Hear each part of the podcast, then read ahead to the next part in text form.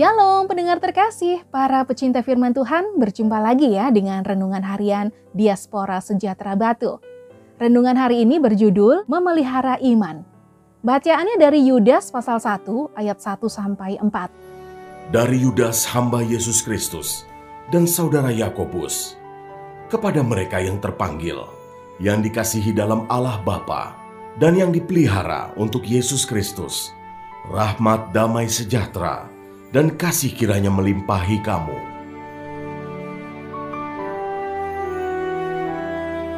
Saudara-saudaraku yang kekasih, sementara aku bersungguh-sungguh berusaha menulis kepada kamu tentang keselamatan kita bersama, aku merasa terdorong untuk menulis ini kepada kamu dan menasihati kamu, supaya kamu tetap berjuang untuk mempertahankan iman yang telah disampaikan kepada orang-orang kudus Sebab ternyata ada orang tertentu yang telah masuk menyelusup di tengah-tengah kamu, yaitu orang-orang yang telah lama ditentukan untuk dihukum. Mereka adalah orang-orang yang fasik, yang menyalahgunakan kasih karunia Allah kita untuk melampiaskan hawa nafsu mereka dan yang menyangkal satu-satunya penguasa dan Tuhan kita, Yesus Kristus.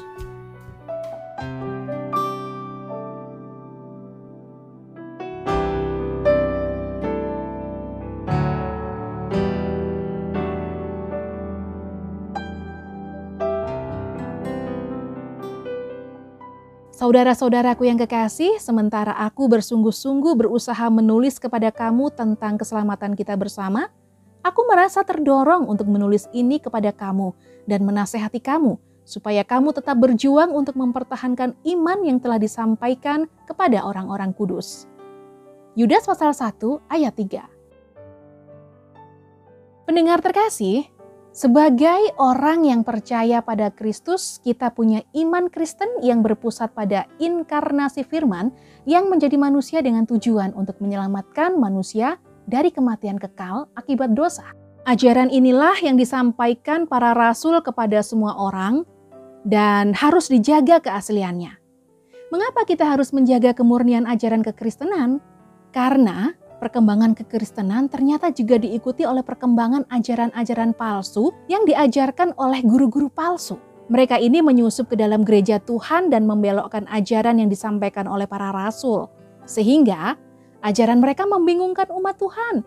Dan akibatnya mereka atau umat Tuhan ini memahami Kristus dengan tidak tepat. Dan dampaknya adalah kematian kekal. Melihat kondisi itu, maka diadakanlah konsili-konsili atau sidang tertinggi gereja seluruh dunia sebagai bentuk perlawanan dari gerakan bidat-bidat Kristen dan juga sebagai wujud nyata untuk mempertahankan kemurnian ajaran kekristenan yang disampaikan Yesus kepada para rasul. Memelihara iman bukan saja menjaga kepercayaan kita kepada Yesus dengan cara melakukan ajaran-ajarannya, tetapi menjaga iman itu berarti kita juga menjaga kemurnian ajaran-ajaran Yesus yang disampaikan oleh para rasul. Pendengar terkasih, agar kita tidak terpengaruh oleh ajaran palsu yang menyesatkan, maka kita sebagai orang percaya harus memahami ajaran dasar kekristenan yang asli lebih dulu. Dengan demikian, kita bisa dengan mudah mendeteksi ajaran yang palsu. Mari menjadi orang percaya yang tetap menjaga kemurnian ajaran dasar kekristenan. Namun aku hidup, tetapi bukan lagi aku sendiri yang hidup, melainkan Kristus yang hidup di dalam aku. Dan hidupku yang kuhidupi sekarang di dalam daging, adalah hidup oleh iman dalam anak Allah yang telah mengasihi aku dan menyerahkan dirinya untuk aku. Galatia 2 ayat 20. Tuhan Yesus memberkati.